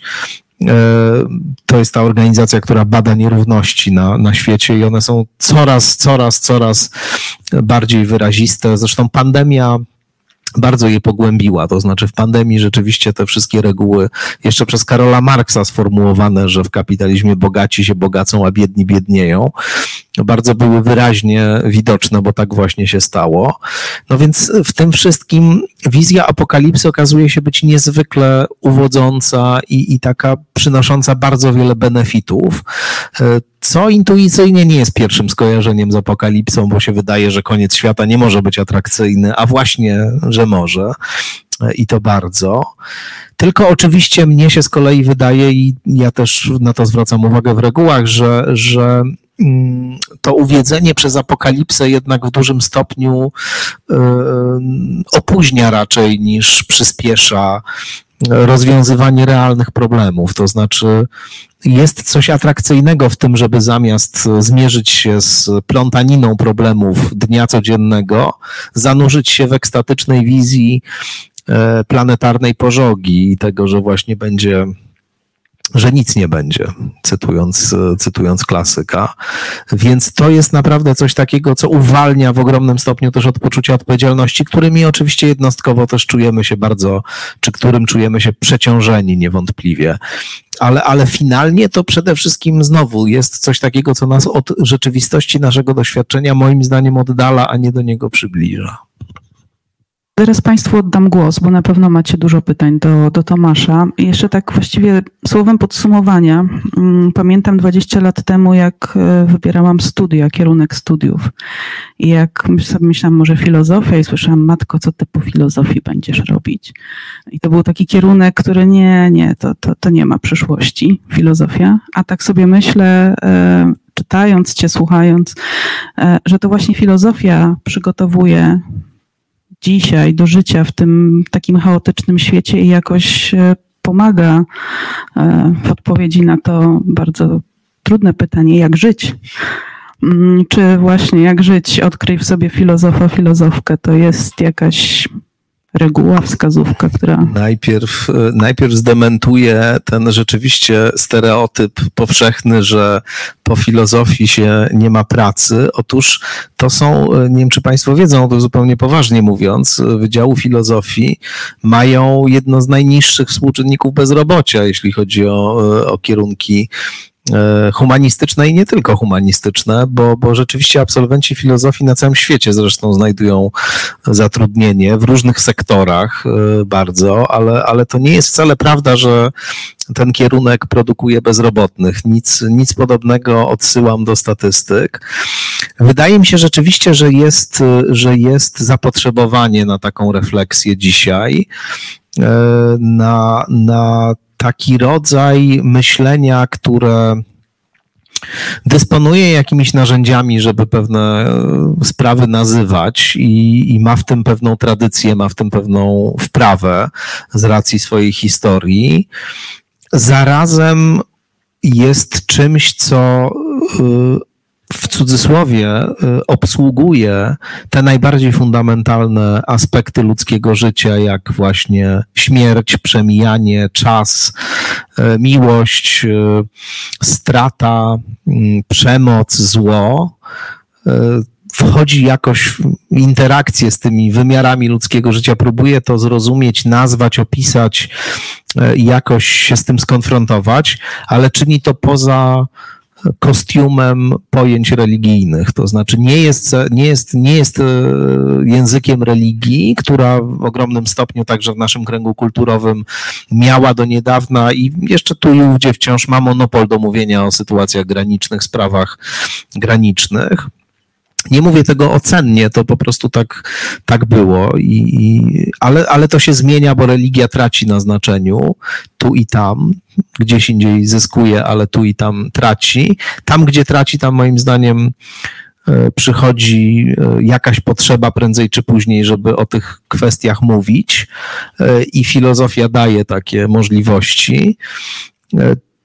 Myślę, że, że ona też przychodzi e, w momencie coraz powszechniejszego jednak rozczarowania taką narracją popterapeutyczną, która trochę chciała, e, chciała z tym wszystkim do ładu dojść, ale, ale też e, budowana jest na obietnicach bez pokrycia, nazwijmy to delikatnie. A filozofia ma tutaj pewną tradycję takiego mówienia i, i rozmyślania o tych sprawach, rozmawiania, da, daje możliwości rozmowy przede wszystkim, a, a myślę, że bardzo nam dzisiaj w ogóle, prze, właściwie przede wszystkim nam potrzeba rozmowy, no więc y, tak, to, to rozmowa to, to podstawa. Piękna puenta. E, do naszej części oczywiście. E, drodzy Państwo, e, będę podbiegać z mikrofonem. Widzę, już jest pierwsze pytanie. Proszę podnosić rękę, a ja tutaj będę biegać. Nawiązując do rozmowy, jako wieloletnia już słuchaczka Pana podcastu, mam takie pytanie. Jakim kluczem Pan dobiera swoich gości? Czy to bardziej jest temat, który najpierw się pojawia, a potem gość czy gość przynosi ten temat, przychodzi z tematem. E, to mnie bardzo interesuje. No i jeszcze taki, czy ewentualnie mógłby się Pan z nami podzielić um, informacją, czy, czy pracuje Pan nad jakąś nową książką? Dziękuję. Dziękuję bardzo.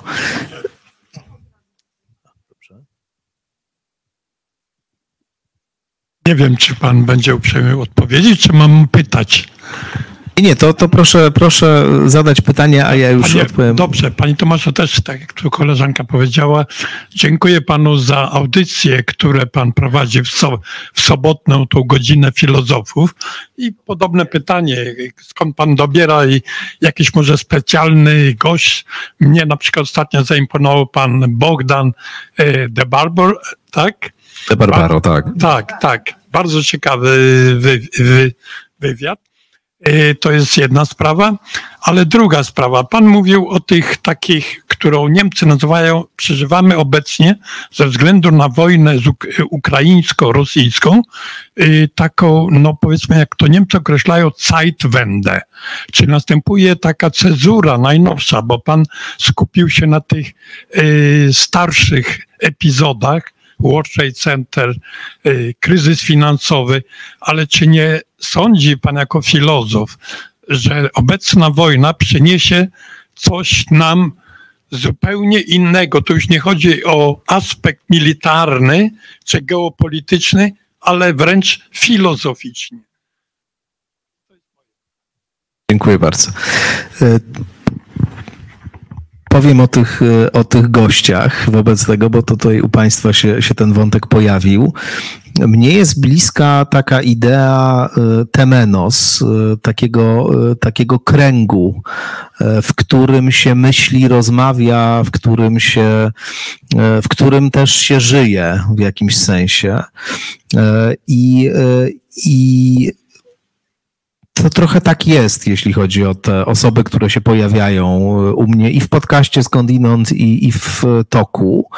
To są, jak Państwo pewnie zwrócili uwagę, też osoby, które się powtarzają e, często. Mam najwyższy współczynnik powtarzalności w tych wszystkich audycjach.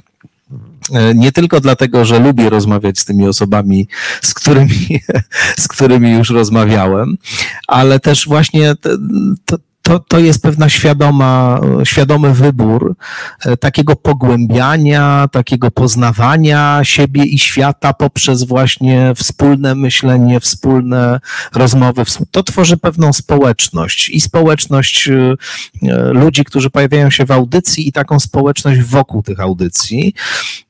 I jednym z takich gości, na przykład powtarzających się jest Paweł Boguszewski, neuronaukowiec, też mój wieloletni przyjaciel. My, my, się po prostu bardzo przyjaźnimy od wielu, wielu lat, z którym też e, robiliśmy cykl takich spotkań w Teatrze Powszechnym w Warszawie, e, filozoficznych i, i też wokół tych spotkań taka społeczność się tworzyła, też osób, które powracały, przychodziły.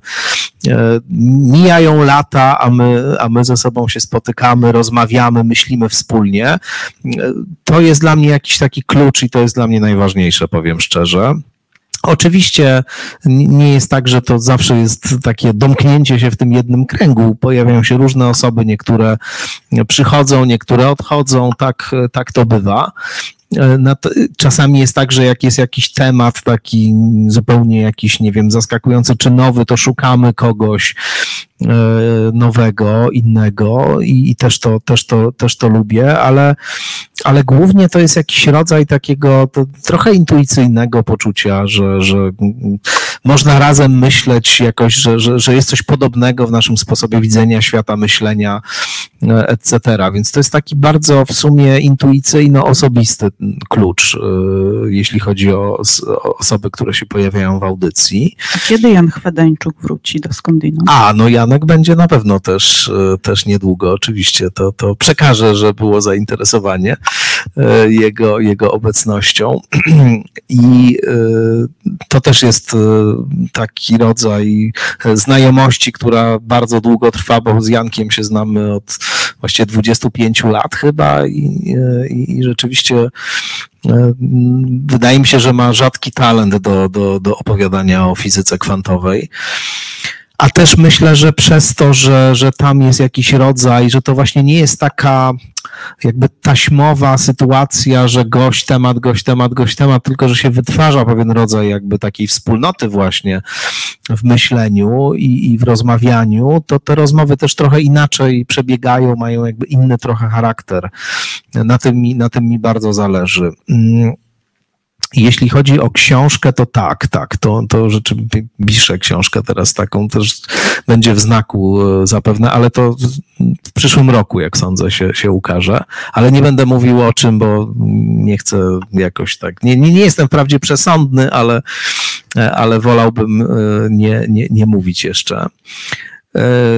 Co do te, tego wątku, który, o którym Pan tu wspomniał, to rzecz jasna, ja faktycznie nie, nie, nie powiedziałem tutaj o pandemii i wojnie, czy też powiedziałem o nich jakoś tak przy okazji, bo, bo założyłem, że to są takie już oczywiste dla nas wszystkich sytuacje, które są po prostu bezpośrednio naszym doświadczeniem, ale myślę, że i pandemia, i wojna to są rzeczywiście momenty zwrotne.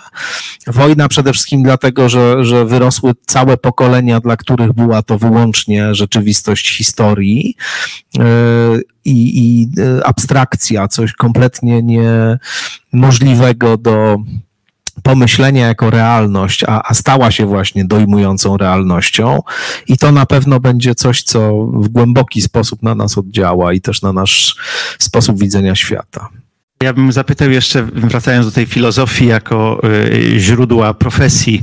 Y, no, w przypadku, Pana przypadku, mam wrażenie, że tutaj jest to niezwykle y, skuteczne narzędzie, bo jest Pan pisarzem, felietonistą, filozofem oczywiście, mędrcem udzielającym rad, na powściągliwość wydaje mi się Pytanie, czy któraś z tych ról w tej polifonii e, niezwykle też e, takiej no, ujmującej, myślę, że dla wielu z nas, któraś z tych ról jest dla Pana jakoś szczególnie bliska, czy, czy uważa się Pan za najbardziej tutaj profesjonalnego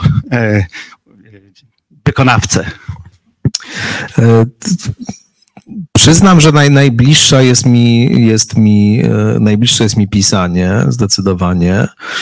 E, jakkolwiek, e, jakkolwiek e, taka rozmowa radiowa też jest czymś, co, co bardzo lubię i radiowa, podcastowa, tak, to, to, to na pewno, ale, ale jednak chyba najlepiej się czuję po prostu jak, jak piszę.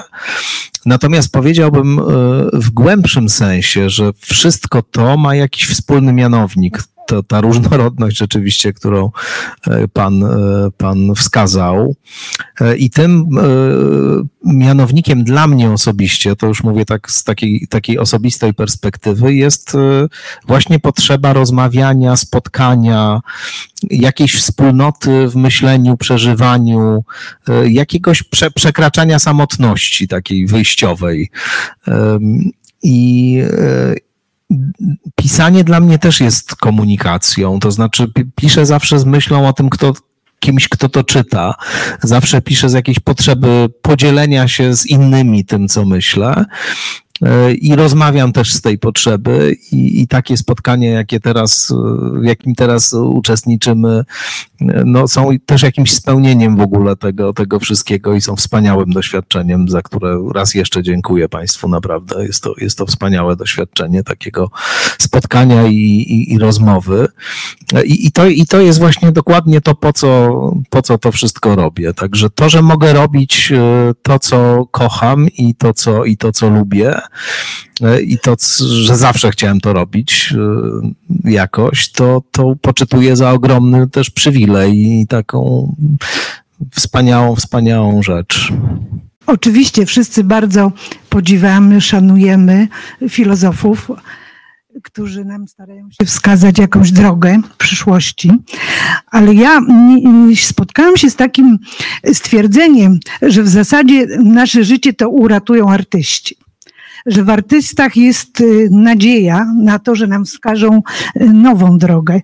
W ludziach, którzy podchodzą do życia może niepraktycznie, irracjonalnie, odważnie i zdaje się, że w historii, w przeszłości były już takie sytuacje, że y, w momencie, kiedy człowiek jakby dochodzi do ściany i nie widzi przed sobą metra drogi, przód, to raptem przychodzi jakaś nawet zwariowana myśl, która y, y, kieruje nasze myślenie na zupełnie inne tory.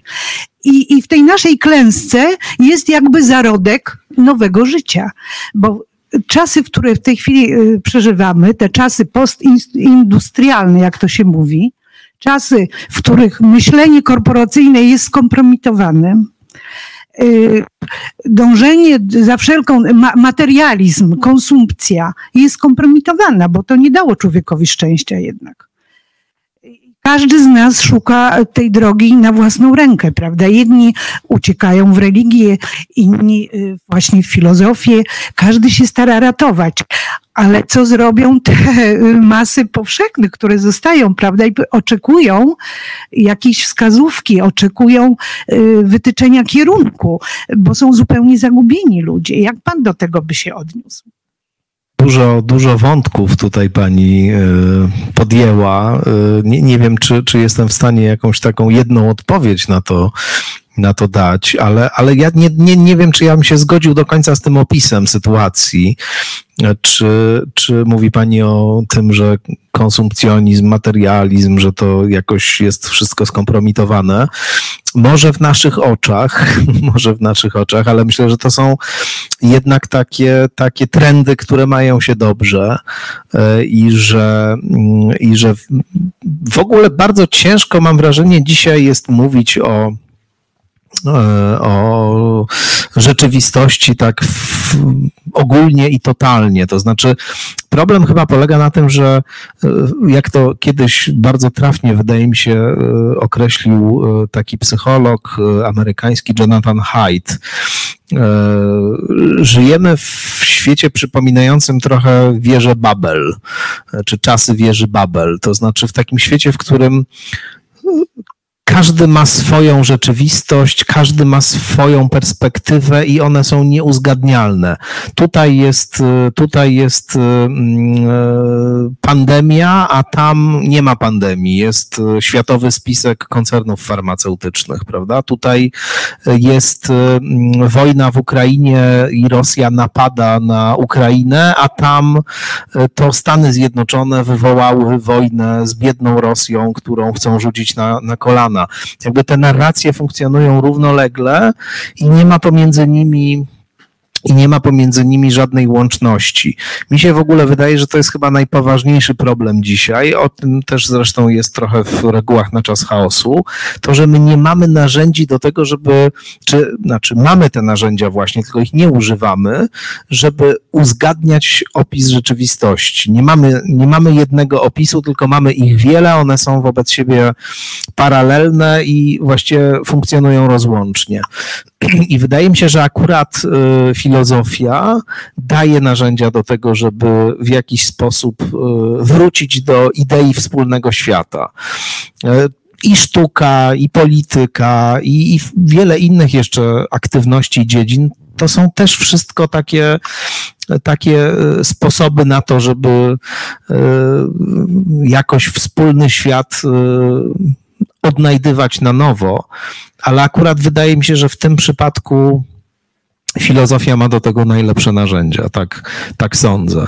To jest oczywiście potężny temat na w ogóle bardzo długą, długą rozmowę, ale, ale jeśli miałbym właśnie wskazać z kolei ze swojej perspektywy coś takiego, co wydaje mi się najpoważniejszym dzisiaj problemem, to to, że nie sposób dzisiaj ustalić podstawowych, bazowych faktów. To znaczy, że nie ma możliwości porozumienia się pomiędzy różnymi takimi skupiskami, mikrowspólnotami ludzi. Nawet na poziomie, nie wiem, w polskim społeczeństwie jest tak samo, prawda? Jest jesteśmy podzieleni na, na z grubsza dwie y, Polski, czy dwa społeczeństwa.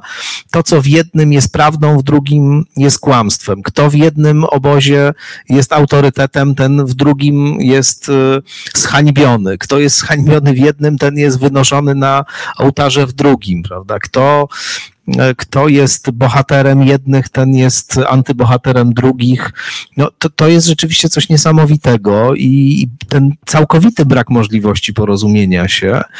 Już nie mówię o rzeczywistości teorii spiskowych różnych i tak dalej, bo ona no to już jest e, taka forma ekstremalna tego zjawiska, o którym, o którym mówimy, ale nawet na poziomie polaryzacji politycznej w Polsce to zjawisko występuje i, i to mi się wydaje być najtrudniejszym problemem.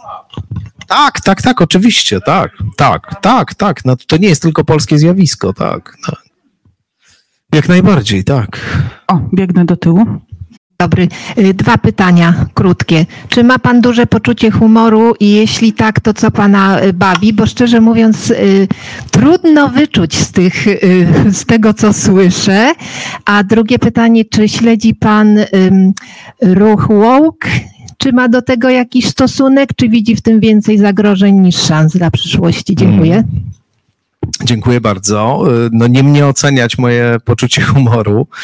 Wydaje mi się, że posiadam takie, ale rzecz jasna to jest do oceny przez innych. W każdym razie pełniłem funkcję klasowego rozśmieszacza w, szkole przez długie lata, więc myślę, że coś tam, coś tam takiego we mnie jest. Śmieszy mnie wiele rzeczy, ale jeśli miałbym wskazać jedną taką paradygmatyczną, to bym wskazał Monty Pythona oczywiście, którego kocham i, i znam na pamięć e, i uważam za absolutnie e, jakby domknięcie e, i, i, i takie największe osiągnięcie ludzkości w dziedzinie, w dziedzinie humoru. Masz ulubiony sketch? Och, mam całą masę ulubionych skeczy, to moglibyśmy długo, długo o tym tutaj mówić. Ale, ale w ogóle wydaje mi się, że Monty Python to, to, jest jeszcze w ogóle takie zjawisko, przez które da się cały współczesny świat opowiedzieć. To znaczy, nie ma takiego problemu we współczesnej kulturze, którego nie dałoby się pokazać, e, odnosząc go do jakiegoś sketchu Monty Pythona. W tym sensie to jest głęboko filozoficzna, e, głęboko filozoficzne przedsięwzięcie. Mm, ale to, to jak powiadam, nie, nie, nie tylko, ale jeśli miałbym coś takiego konkretnego wskazać, to to Monty Python właśnie. Jeśli chodzi o woke, wokeness, y, to tak, oczywiście, ja od lat y, się temu przyglądam. Y, to, to określenie jest oczywiście takim amerykanizmem,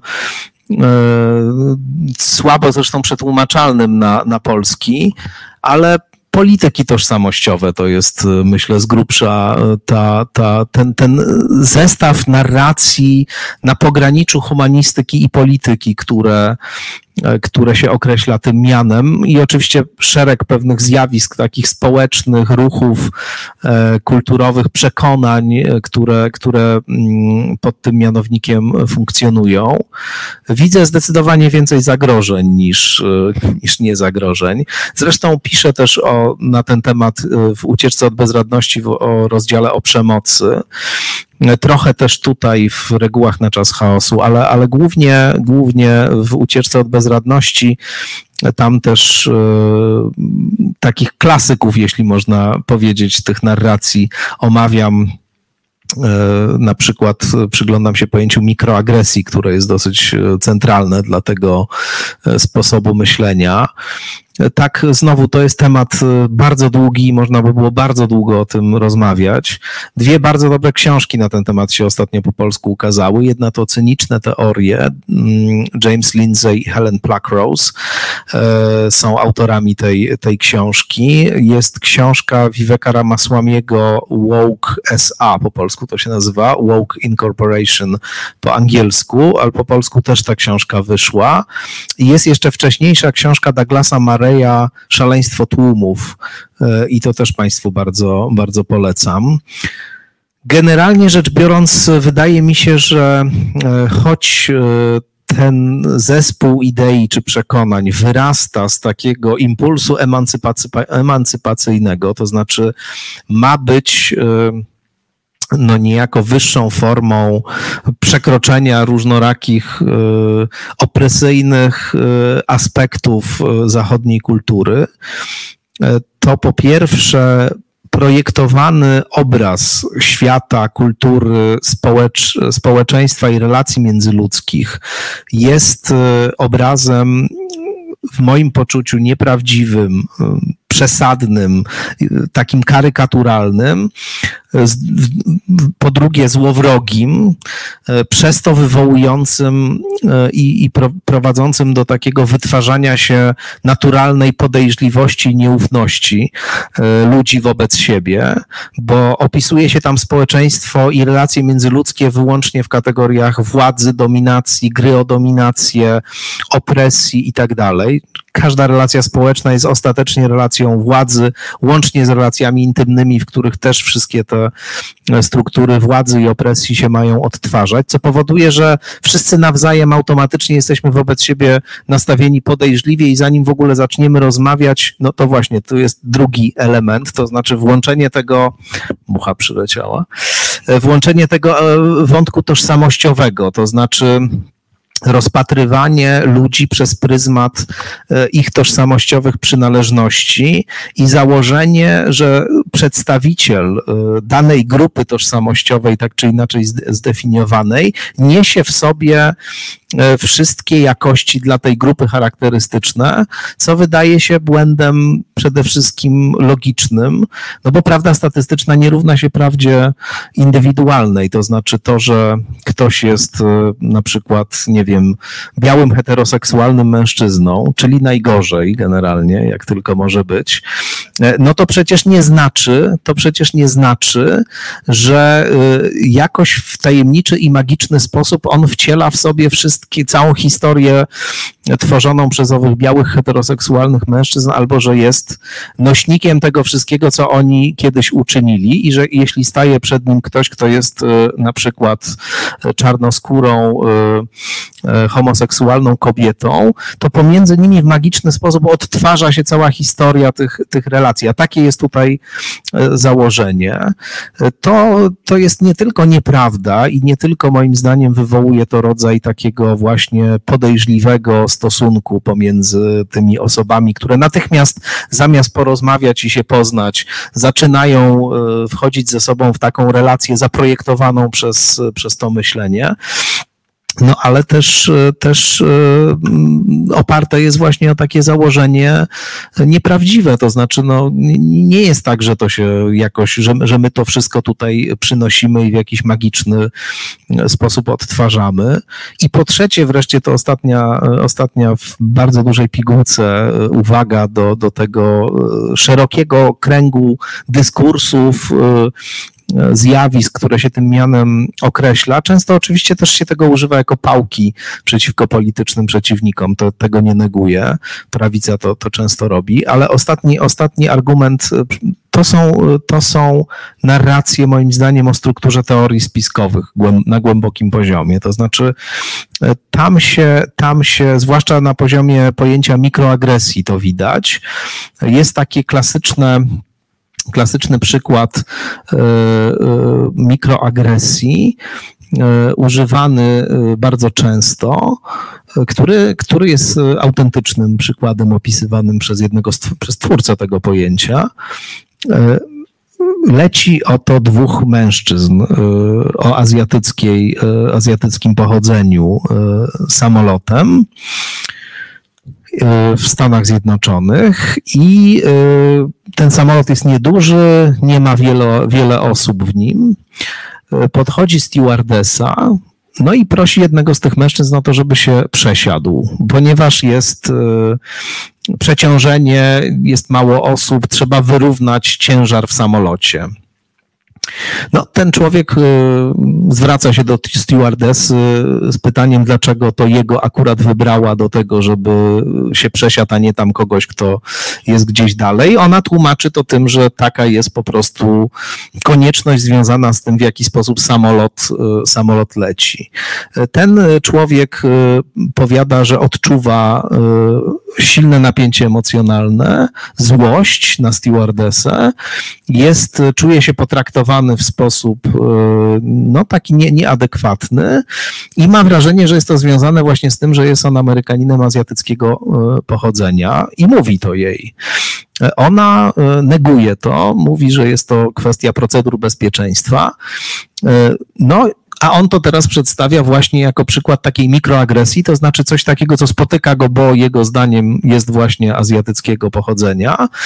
E, I te argumenty do niego nie trafiają. Uważa, że to, prze, to ta prośba o to, żeby się przesiadł, nie jest prośbą tylko, żeby się przesiadł, tylko jest wyra, wyrazem pewnego uprzedzenia nieświadomego, które ma stewardesa, wybierając jego akurat, a nie e, kogoś innego. No i teraz e, mamy taki opis sytuacji y, i ostatecznym kryterium, że mamy do czynienia z mikroagresją, są emocje tego, kto doświadcza mikroagresji. Y, I teraz stewardesa nie ma możliwości w żaden sposób, zwróćcie Państwo uwagę, udowodnić, że nie jest rasistką. Co cokolwiek by nie zrobiła i czegokolwiek by nie powiedziała, kryterium emocji jest kryterium rozstrzygającym i ostatecznym. No i to już mi się wydaje być czymś bardzo niebezpiecznym, dlatego że wprowadzanie takich pojęć i takich y, kategorii, które są nieobalalne, to znaczy nie, nie ma sposobu, żeby to ustalić. Nie ma takiej sytuacji, że ktoś może przyjść z zewnątrz i to rozstrzygnąć na przykład. Nie ma takiej możliwości, dlatego że jedynym kryterium są subiektywne doświadczenia i subiektywne emocje kogoś, kto twierdzi, że został w ten sposób źle potraktowany.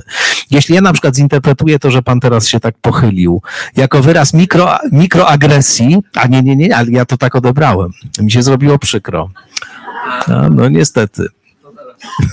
No nie, no żartuję oczywiście, ale, ale chodzi mi o to, że tu jest dużo takich pojęć, które, które, które właśnie wprowadzają tego rodzaju y, problemy z interpretacją. I dlatego y, jest bardzo duża i, i, wciąż się, jakby mam wrażenie, rozwijająca dzisiaj krytyka tego typu postaw e, i tego typu narracji, jak właśnie te narracje o mikroagresjach czy polityki tożsamościowe, wcale nie z kręgów prawicowych, tylko właśnie z kręgów klasycznie liberalnych. E, najciekawsze książki, te, które Państwu poleciłem właśnie, to są książki, które, które wychodzą z takich uniwersalistycznych, liberalnych, właśnie antyrasistowskich głęboko na przykład i równościowych przekonań. E, takie książki, których autorzy chcą świata, w którym e, kolor skóry, płeć, nie wiem, wiek, cały szereg różnych innych takich aspektów się nie liczy. Jest przezroczyste, jest takie jak, nie wiem, jak to, jaki mamy kolor oczu mniej więcej. E, tymczasem paradoksalnie wydaje się, że właśnie tego typu narracje, e, choć występują pod egidą emancypacji, e, prowadzą do jakiejś rekonstytucji tego świata, w którym znowu kolor skóry, płeć stają się jakimiś sprawami, na których się koncentrujemy i które E, stanowią, stanowią o dystynkcji, więc e, Wiem, że to jest rozległy bardzo temat i tylko pobieżnie go tutaj dotykam, ale, ale ja mam osobiście, o czym wiele razy pisałem i mówiłem, za co mi się też nieraz dostało od środowisk e, lewicowych w Polsce, mam stosunek zdecydowanie krytyczny do tych zjawisk i, i, i, do, tych, i do tych narracji. No to, to jest trochę co innego. To jest to, to, to na, osobną, na osobną e, rozmowę, ale tam pewne elementy w takich skrajnych formach rzeczywiście też, też występowały. Drodzy Państwo, e, ostatnie pytanie, tak, e, ponieważ Sopotekę zamykamy o 20. Ja chciałabym, żeby Państwo jeszcze mieli szansę dostać autografy i dedykacje od Tomka. Ja wiem, że z Tomkiem moglibyśmy jeszcze ze trzy godziny rozmawiać. Cztery, co najmniej, tak, e, ale ma, mam nadzieję, że uda się jeszcze Tomka nieraz zaprosić, może nawet wcześniej niż e, nowa książka wyjdzie, więc e, tak. Dobrze, to oddaję panu mikrofon i Dziękuję bardzo. Tak, winowajcy.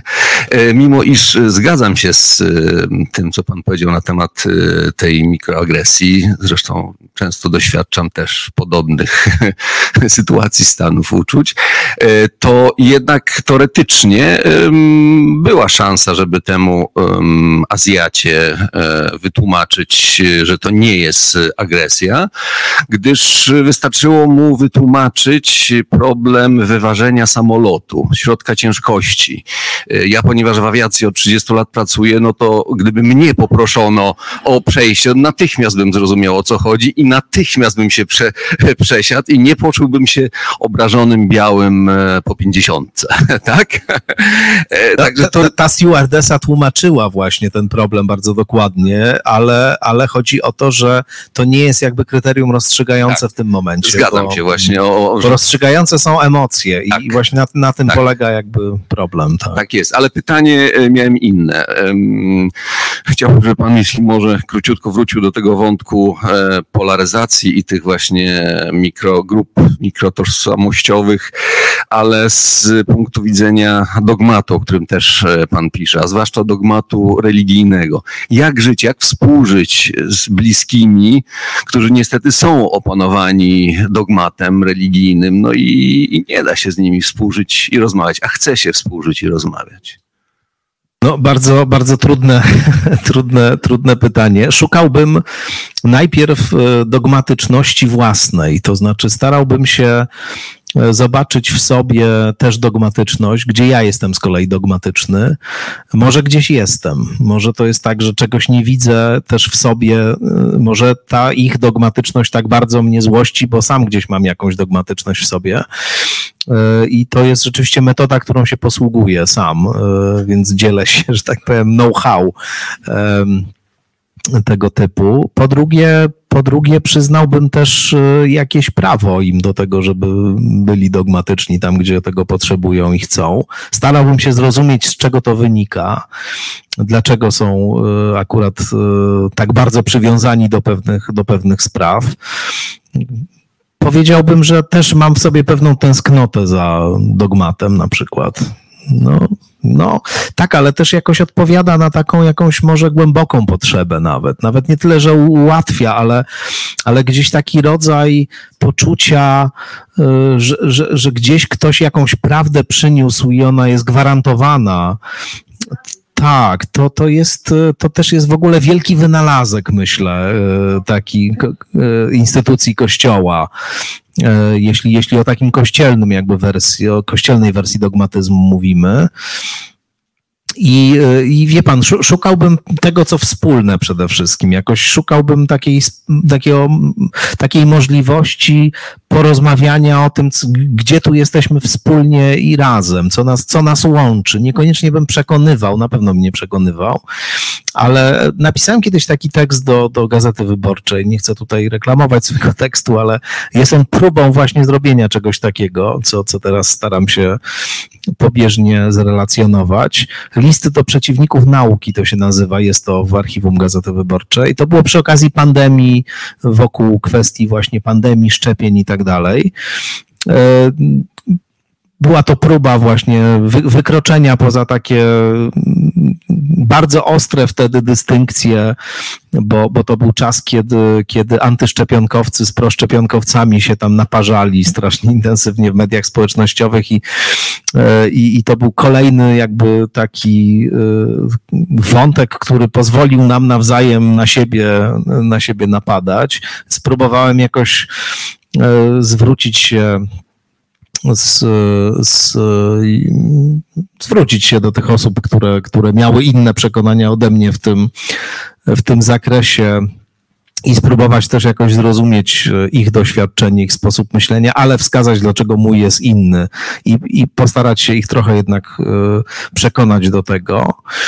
E, nie wiem, czy kogoś przekonałem, szczerze mówiąc. E, chyba, chyba nie za bardzo, e, ale, ale myślę, że, że na, pewno, na pewno warto jest próbować, jeśli to jest możliwe, rzecz jasna, rozmawiać, ale poprzez przede wszystkim poszukiwanie jakiejś płaszczyzny wspólnej i poprzez próbę odnalezienia w sobie pewnych takich e, cech, które bardzo nas u innych złoszczą. To zresztą jest e, też e, coś takiego, co, co wyrasta z myślenia jungowskiego, co, co u Junga i w ogóle w tradycji psychoanalitycznej jest, jest obecne. Tak. No, wyborcza zamówiła. Myślę, że Ale... szukanie tego, co wspólne, to jest w ogóle ładna, ładna puenta dla tego spotkania. E, drodzy Państwo, e, wielkie brawa dla Tomasza Stawiszyńskiego.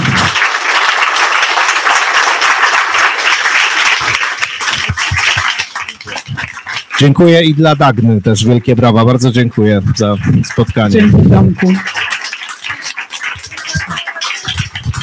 Ja myślę, że bis jest potrzebny.